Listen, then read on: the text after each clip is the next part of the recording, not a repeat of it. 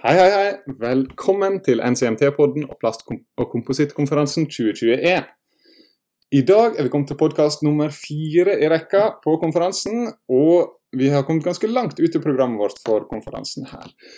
Eh, I dag har jeg med meg to spennende aktører her. Jeg har med meg to damer fra Forskningsrådet og fra Innovasjon Norge. Og snart skal dere få høre mer om hva de har å si.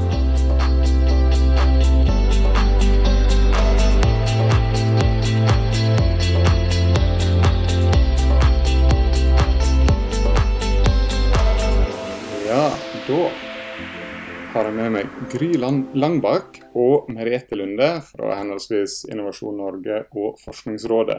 Og dere er jo to spennende aktører som er veldig viktige for eh, bedriftene våre i NCMT. Og vi har et ganske godt samarbeid med dere. Kanskje dere først bare presenterer dere sjøl, og eh, kort hva rolle dere organisasjon har i virkemiddelapparatet. Vi kan starte med deg, Gry. Tusen takk, Vidar. Veldig hyggelig å være her. Morsomt å være med på podkast. Jeg jobber som programansvarlig for grønn vekst og omstilling i Innovasjon Norge. Og det vil si at jeg jobber med de store eh, omstillingsprosjektene som eh, programmene sammen med Enova, Siva og Forskningsrådet, ikke minst. Så nå akkurat i disse dager så er det mye innspurt på Grønn plattform, og jobber også med Pilot E. Og så har jeg også jobba tidligere som innovasjonsrådgiver, og jobber med forretningsutvikling med kundene våre. Og jeg har jobba som, eh, som, eh, eh, som finansieringsrådgiver og jobba spesielt med miljøteknologiordningen og finansiering av prosjekter med positiv miljøeffekt. Så Innovasjon Norge vi bidrar til bærekraftig vekst og eksport for norsk næringsliv gjennom kapital og kompetanse.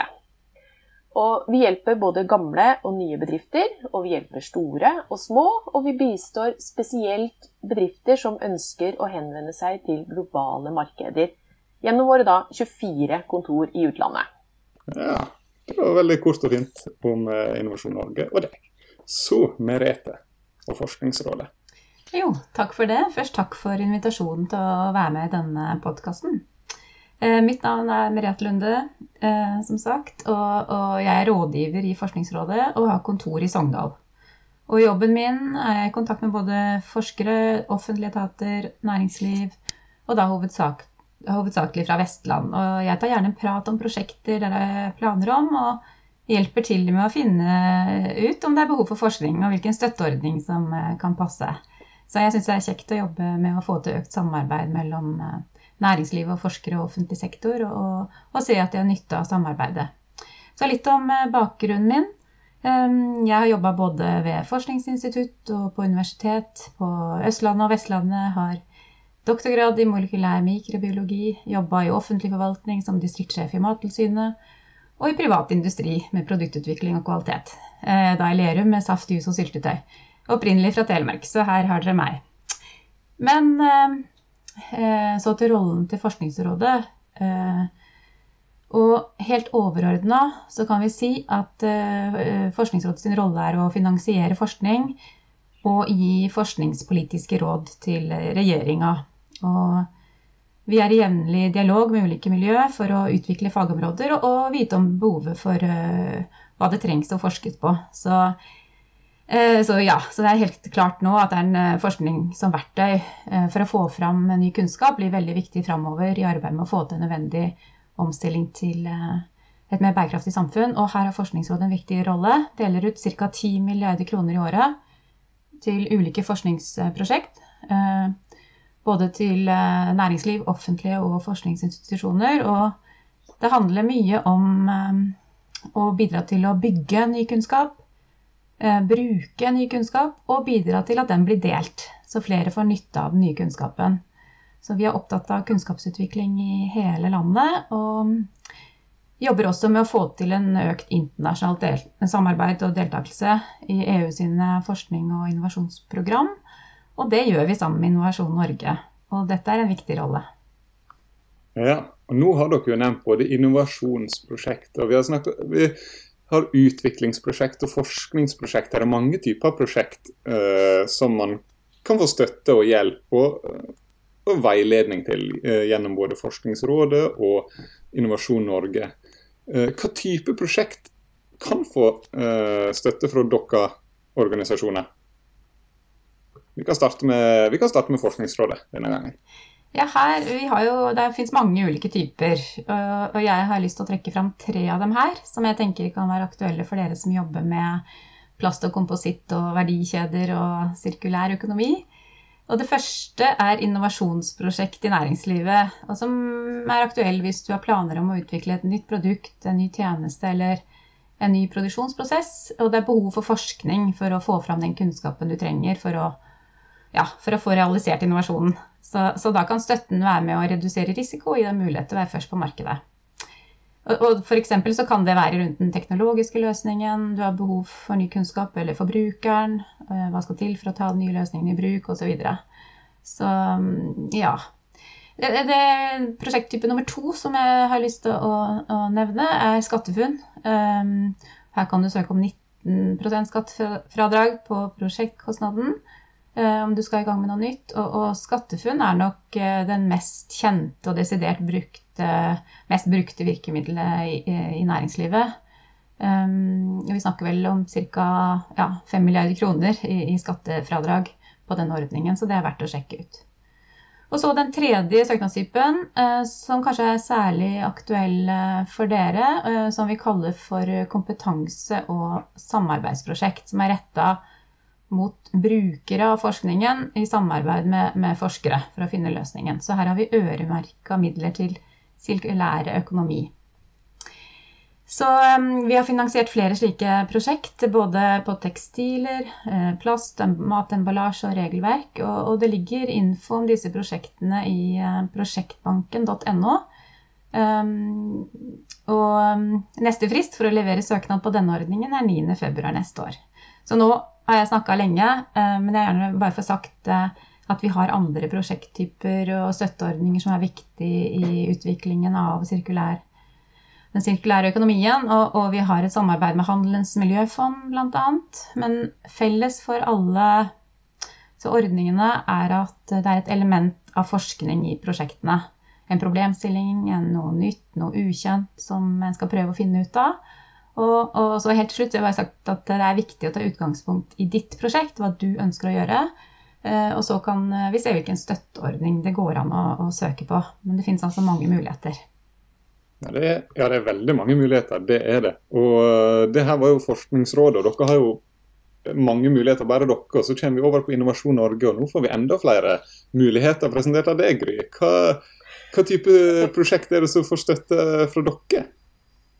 Det er vel ikke så veldig stor forskjell på de prosjektene som får, eh, får tilskudd fra, fra, Forskningsrådet og fra Innovasjon Norge, nødvendigvis. Jeg tenker at eh, eh er Det som er mest relevant for, for, de som, for våre lyttere nå, da, så tenker jeg det er nok Innovasjon Norge sin miljøteknologiordning. Eh, og jeg tenker at det er kanskje viktig å få frem Vi er også opptatt av at det er noe, noe nytt og nyttig. Og vi er kanskje enda mer fokusert på på markedet. Eh, og at det er litt nærmere kommersialisering. Så vi sier av og til at eh, for å få en sånn liten sånn tommelfinger på hvor skal man søke den ene eller den andre, så kanskje Forskningsrådet er litt nærmere av og til sier at Hvis det er labskala og kobla på forskningsinstitutter, så er det kanskje mer Forskningsrådet. Mens hvis det nærmer seg demonstrasjon og pilotanlegg, så er det mer for, for Innovasjon Norge. Eh, men det som er viktig, er at det er noe nytt, det er noe innovativt. Det, noe, det kan godt være ikke nødvendigvis forskningstungt, men at du i hvert fall bruker eh, kjent teknologi og sammenstiller det på en ny måte. Og så er det jo med miljøteknologiordningen, og det som jeg ofte tror er relevant for, eh, for lytterne våre nå, det er at det er en positiv miljøeffekt med det nye man prøver å gjøre. Og det som er fantastisk når man er i klynge, da, og det vi håper å få, få, få til med klyngearbeidet, er jo nettopp at medlemmer i klynger kanskje ser at de har et, har et behov. Og så kan det andre aktører i klyngen eh, fange opp dette og se at ja, her kan vi ha en løsning. Og kanskje hvis vi går sammen med en annen av partnerne i, eh, i klyngen, så kan vi få til en enda bedre løsning. Og sammen så kan vi gå ut i et marked. Og så kan vi da i tillegg hjelpe, hvis det er snakk om internasjonale markeder, så kan vi også koble mot mot våre internasjonaliseringsrådgivere og hjelpe de da på å tilpasse en forretningsmodell som i utgangspunktet passer til norske forhold, kan vi da tilpasse til tyske forhold eller amerikanske forhold eller til asiatiske forhold. Alt etter hvilket marked man ønsker å bevege seg inn i. Så jeg tenker at eh, det sånn Det som er viktig, det må være noe nytt og innovativt. Det må være noe teknologisk risiko. Eh, de som skal søke, er gjerne de som har eierskap til teknologien som skal utvikles. Det er de som bærer den finansielle risiko rundt teknologiutviklingen. Så det er de som må være som søker, og det tror jeg er det samme for Forskningsrådet også. At det er de som har rettighetene til teknologien, de som ønsker å kommersialisere på det, som vi ønsker som som søkere til virkemiddelapparatet. Og så er det fint om da andre aktører kan enten bidra i prosjektene som, eh, som partnere, eller som leverandører, eller som kunder. Og jo flere aktører, altså den tette koblingen mellom flere aktører er veldig positivt når man begynner å, å tilnærme seg virkemiddelapparatet. Så dere setter pris på samarbeid? begge to? Ja, vi setter pris på samarbeid. Og så et viktig ting først, det er å ta kontakt med oss. Det er det viktigste. Ta kontakt med regionsansvarlig i Forskningsrådet eller lokale regionskontoret i Innovasjon Norge, så får dere god veiledning. Ja, for Det kan jo være en utfordring, det at en, en, sitter der med en idé, og enten man er i en etablert bedrift eller man sitter og bare tenker at nå er, nå er dagen klar for å starte en bedrift fordi jeg har en idé, så er det jo av og til litt vanskelig å vite hvor den skal gå. Så et godt tips der med å bare ta kontakt, for du, du blir vel gjerne sendt uh, videre. Ja, eh, og så tenkte jeg også på en skjult juvel på Innovasjon Norge sine hjemmesider. Det er at vi har et ganske godt uh, bredt spekter av digitale kurs som er tilgjengelig for alle. Og hvis man er litt usikker på hvordan man skal bygge en forretningsmodell, eller hvordan man skal jobbe med ja, altså er, hvordan man henvender seg til ulike markeder, det er en, en veldig god uh, god introduksjon av mange sentrale tema når det gjelder både å, å bygge nye bedrifter, men også gjennomføre innovasjonsprosjekter i eksisterende bedrifter. Og også eget kurs på, på sirkulærøkonomi. Hvis det det er jo litt tema i dag, er det ikke det? Jo, det er definitivt. Sirkulær økonomi er viktig i NCMT. Og Der kan jeg jo bare òg uh, eh, spille inn Merete her kan jo få komme inn og si litt om uh, at dere har uh, mye webinar og kanskje kurs dere òg i Forskningsrådet som Nå sier jeg det rett og slett for deg, men for det er fordi jeg har vært med på noen av dem sjøl. Det har vært veldig gode webinar som dere har. Veldig relevante i forhold til prosjektstrukturering og Eh, hvor en skal gå inn i en søknadsprosess. Så det, både Innovasjon Norge og eh, Forskningsrådet har eh, veldig mye godt innhold og gode kurs som er tilgjengelig for de som ønsker. Det, det var mitt tips for dagen. Men dere begge to er jo med å dele ut hundrevis av millioner kroner hvert eneste år til forskning og utvikling. Det er mange som får støtte, men noen får ikke. Hva er viktig for dere i de prosjektene dere støtter? Ja, eh, Først vil jeg bare kommentere på det hvem som kan søke støtte hos Forskningsrådet. og Det er både eh, næringsliv og, og forskningsinstitusjoner og offentlige eh, etater. Eh, så er, er det bare opplyst om. Eh, men eh, tre ting jeg tenker å få fram i en god søknad. Prosjektidé. Hvilke problem eller behov skal prosjektet bidra til å løse? Hva er målet? Hva skal du oppnå? Hva er det som er nytt og unikt med ideen? Og vi ser etter nyskapende ideer. Eh, så nummer to eh, få fram kunnskapsbehovet. Hva trenger dere å vite mer om, og hvordan vil dere jobbe for å finne ut av det? Få fram de viktigste problemstillingene eller utfordringene som forskning skal bidra til å løse. Eh, og så er det nummer tre verdiskaping og samfunnseffekt. Hvilken nytte nytte vil prosjektresultatene ha eh, for de som er med i prosjektet og, for samfunnet? Eh, ja, hvordan resultatet bidrar til økt verdiskaping og bærekraftig utvikling. Eh, det er viktig også å få med. Så jeg tenker at vi er ganske ser etter både det med verdiskaping og samfunnseffekt og, og, det som er nytt. Og kanskje Forskningsrådet legger vekt på det med, med kunnskapsbehovet. Og, og, og at også forskningsinstitusjoner søker for, og, og, og, og, har ansvar og risiko i forhold til prosjekter. Vi har jo sett den siste tida at det er viktig med grunnforskning for å bygge kunnskap i forskningsmiljøene. Og et eksempel er jo det med koronavaksinen og andre nå, eh, som, eh, produkter som kommer nå i markedet, eh, som kommer fort fordi det er årelang forskningsaktivitet og bygging av kunnskap over, over, flere år i forskningsmiljøene, lenge før et marked er på plass. Så det er viktig å, å ha virkemidler eh, både i Forskningsrådet og Innovasjon Norge til å ivareta en sånn helhet. da. Mm. Hvordan tenker du dette her, Gry, stemmer overens med det Innovasjon Norge tenker i forhold til hva hva som er viktige prosjekter dere støtter? Ja, nei, Vi er jo virkemiddelkamerater, så jeg er veldig enig med Merete. så vi I Innovasjon Norge så starter vi vel eh, av og til å spørre med hvilke problem er det dere løser for hvem? Altså hvor stort, Hvem har kunden deres en uh, lett hodepine av og til, eller er det dundrende migrene 24-7?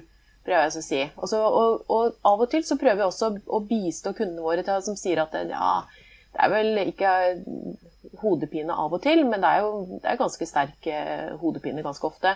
Og så prøver vi å si at ok, men kanskje hvis vi nå begynner å se på forretningsmodellen, kan dere, kan dere gjøre endringer? Kan dere, kan dere, finne en målgruppe som har enda større hodepine, som dere kan, eh, kan hjelpe? Så vil du ha kortere tilgang til, eh, til, markedet og være sikrere på å få en, en, lønnsom forretningsmodell.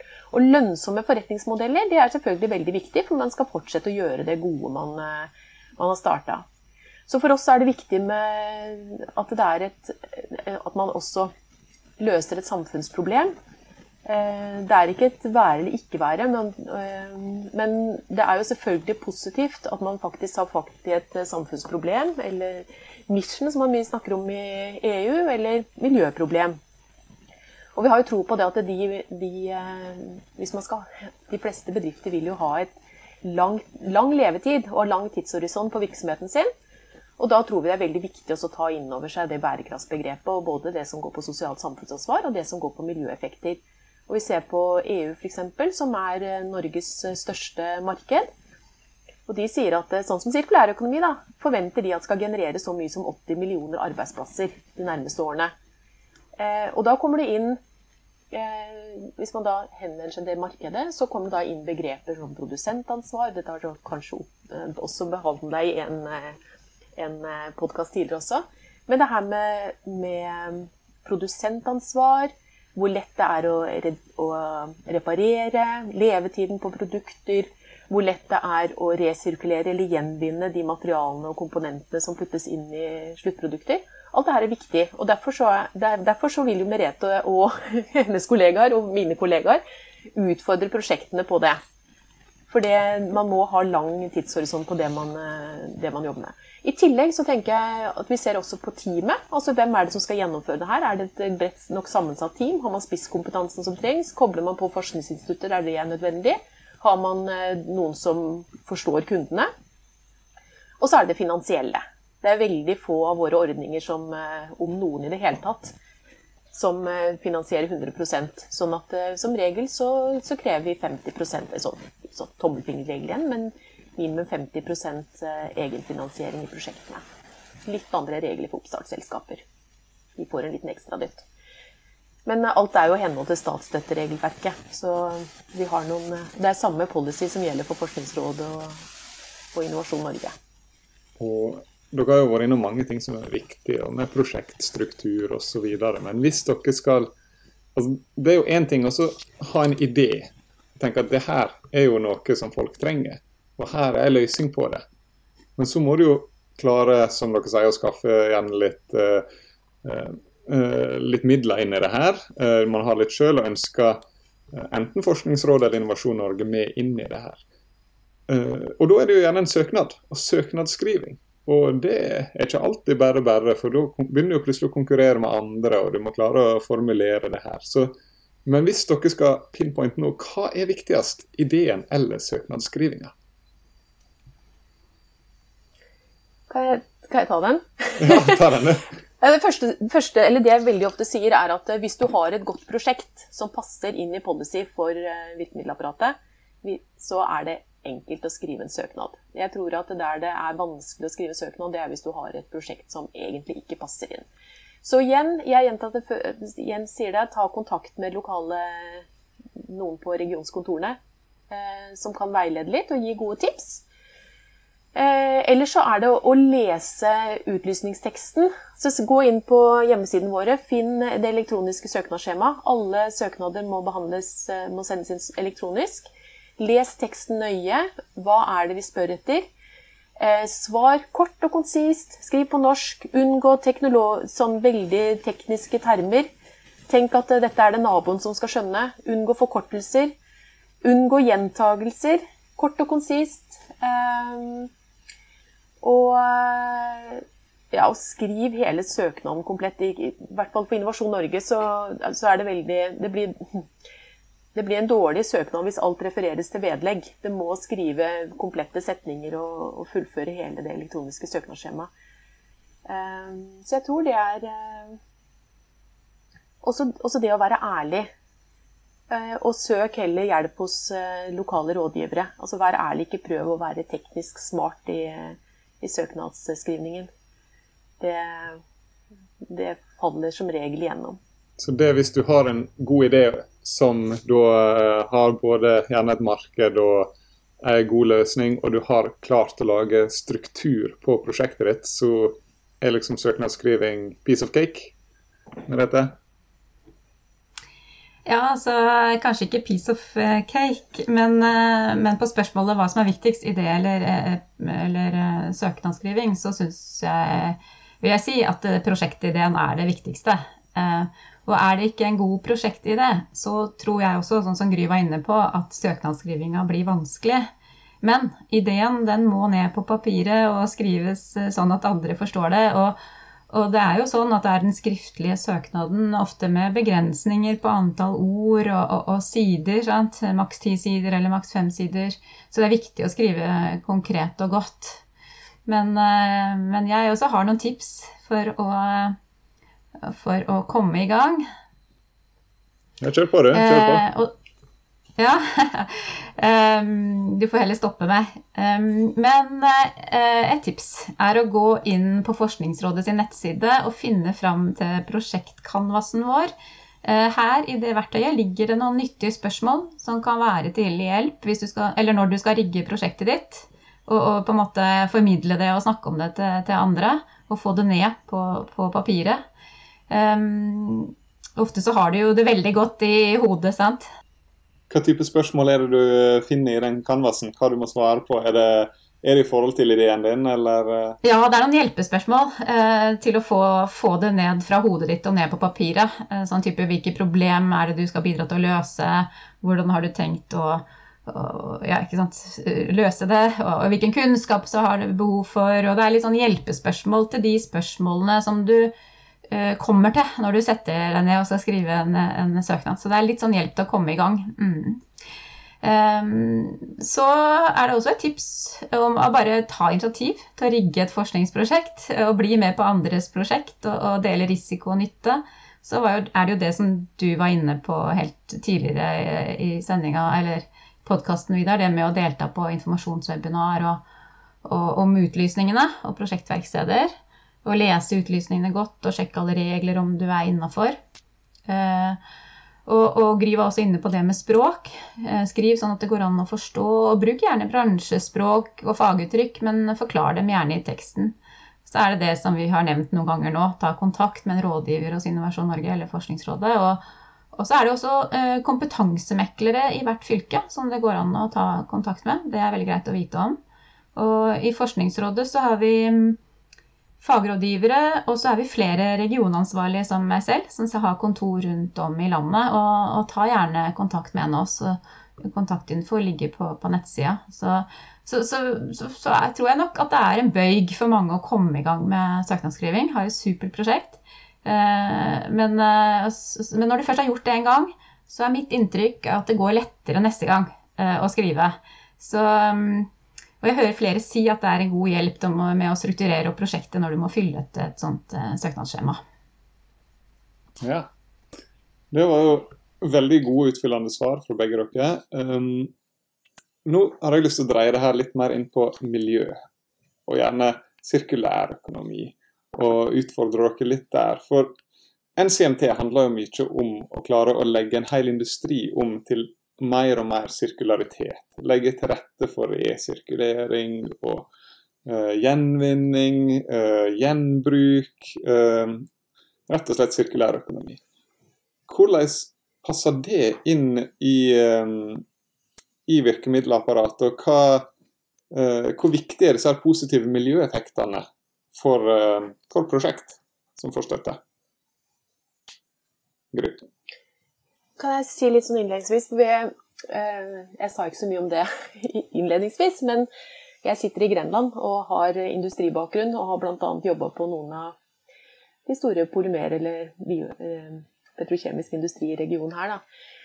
Eh, så industriell symbiose det vi, det vi, ser eh, med en del av de prosjektene, det er at de er veldig fort eh, store, komplekse. Det er snakk om eh, noen som har et da, plussprodukt. Ikke, vi snakker ikke om eh, avfall lenger, men plussprodukter som de ønsker å og eh, overføre til andre som kanskje kan bruke det som en råvare inn i sin, eh, sin produksjon. Da må de gjerne bearbeide det først, dette plussproduktet, og så er det masse logistikk i forbindelse med det. Det er kanskje noen digitale løsninger før det kan tas i bruk av andre. Og så får du en avhengighet mellom det, og det blir, det blir også tette koblinger med bedriftene, så det er viktig med den tilliten og sånn. Så det er en del utfordringer. Og så er det jo litt varierende, men vi ser også at en del av prosjektene så er det eh, ikke nødvendigvis så veldig stor teknologisk eh, utfordringer. Det er mer på hele riggingen rundt og den avhengigheten som oppstår mellom aktørene. Eh, så det vi, det vi, prøver i Innovasjon Norge, eh, det er å Vi vil veldig gjerne se at det er teknologiske utfordringer, men at vi kan være med og bidra til risikoavlastning i forbindelse med denne riggingen av prosjektene. Altså der vi ser at det blir eh, behov for endringer i, forretningsmodellene, både hos den som har plussprodukter, og hos den som tar imot nye råvarer, og eventuelt den som er i midten, som da bearbeider og sørger for logistikken og flyten imellom. Så det er, noe, det er litt utfordrende for virkemiddelapparatet sånn som det er rigga nå, men det fins muligheter å, å, bruke noen av de artiklene som er i statsstøtteregelverket, som ikke så ofte har blitt brukt tidligere de prøver vi nå også å, å ta mer i bruk for å kunne være med og risikoavlaste også de prosjektene. Ja, og nå i siste podkasten vi skal ha i denne uh, konferansen her, så kommer Sotirius Grammaticus fra NTNU Gjøvik til å snakke om akkurat uh, det her med sirkulære industriparker og industriell symbiose. Så det blir jo veldig spennende å se hva som kommer ut av det her. om det både det at nå vet vi at uh, det går an å passe inn i virkemiddelapparatet med det. Og så kommer Sotirio sikkert til å lansere en del eh, spennende konsept som kanskje setter ideer i hodet på noen av dere som sitter og hører på, og kan bidra til noe spennende nye prosjekt. Og Det er jo det vi virkelig ønsker, at denne podkasten kanskje skal hjelpe noen i gang, inspirere noen og være en liten gnist. Det er det. Uh, nå uh, så har vi jo vært innom veldig mye forskjellig. uh, men jeg vil òg ha enda litt mer om det her miljøaspektet i vanlige prosjekt. Altså ikke nødvendigvis prosjekt der det er sirkulær økonomi, men et helt vanlig forsknings- og utviklingsprosjekt. Setter dere noen retningslinjer inn der mot, mot positiv miljøeffekt? Eller er det gunstig hvis man klarer å dokumentere det, eller er det en nødvendighet? Jo, dette med positive miljøeffekter er, eh, er jo viktig, og, og, vi vektlegger bærekraft i vår eh, søknadsbehandling. Og så, det er ingen grunn til å tro at det blir mindre viktig framover. Så hvis prosjektet kan bidra til å nå ett eller flere av bærekraftsmålene, så få det fram eh, i søknaden. Vi ser at uh, dette er viktig i EU, og Norge går i, i samme retning.